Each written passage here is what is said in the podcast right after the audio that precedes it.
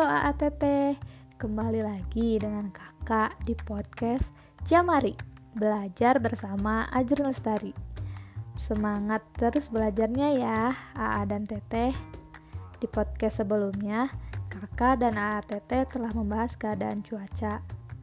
Eh, tapi kak, AA sama Teteh belum terbayang cuaca itu seperti apa. Nah, ada yang tahu cuaca itu seperti apa? Untuk lebih jelasnya, kita perhatikan gambar yang ada di buku tema siswa halaman 3 yuk.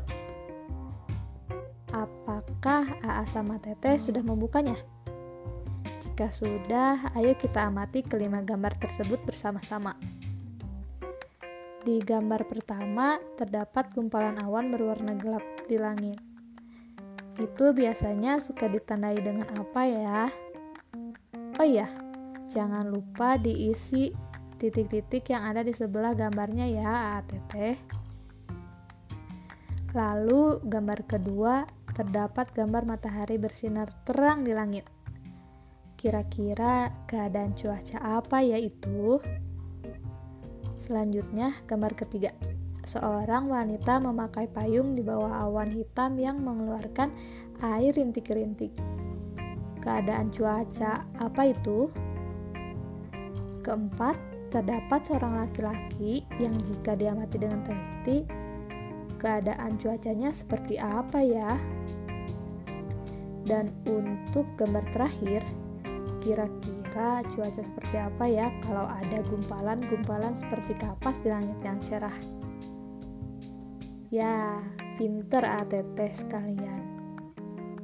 Untuk itu, setelah kita membaca teks bacaan Udin dan Benny bermain bola, serta mengamati kelima gambar sebelumnya, dapat kita simpulkan bahwa cuaca adalah suatu keadaan, baik itu di alam ataupun di lingkungan kita, yang berubah-ubah dan berlangsung hanya sebentar. Oleh sebab itu, sering terjadi pada suatu tempat udara berawan atau hujan turun lebat, tetapi di tempat yang lain cuaca terang benderang. Cuaca dapat diperkirakan dari hasil pengamatan cuaca yang dilakukan secara terus-menerus oleh Badan Meteorologi, Klimatologi, dan Geofisika atau sering disebut juga dengan BMKG yang berpusat di Jakarta. Badan Meteorologi dan Geofisika bertugas menyelidiki dan mencatat keadaan udara seperti suhu udara, temperatur udara, tekanan udara, keadaan awan, dan curah hujan.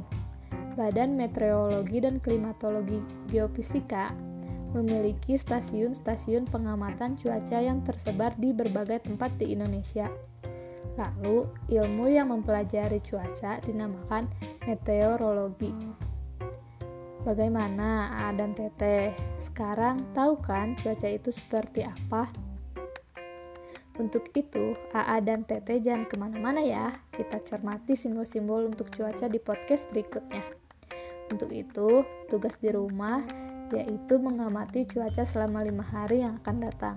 Lalu dimasukkan ke dalam tabel yang ada di halaman 4 di buku tema. Sampai jumpa minggu depan dan tetap semangat. Bye-bye.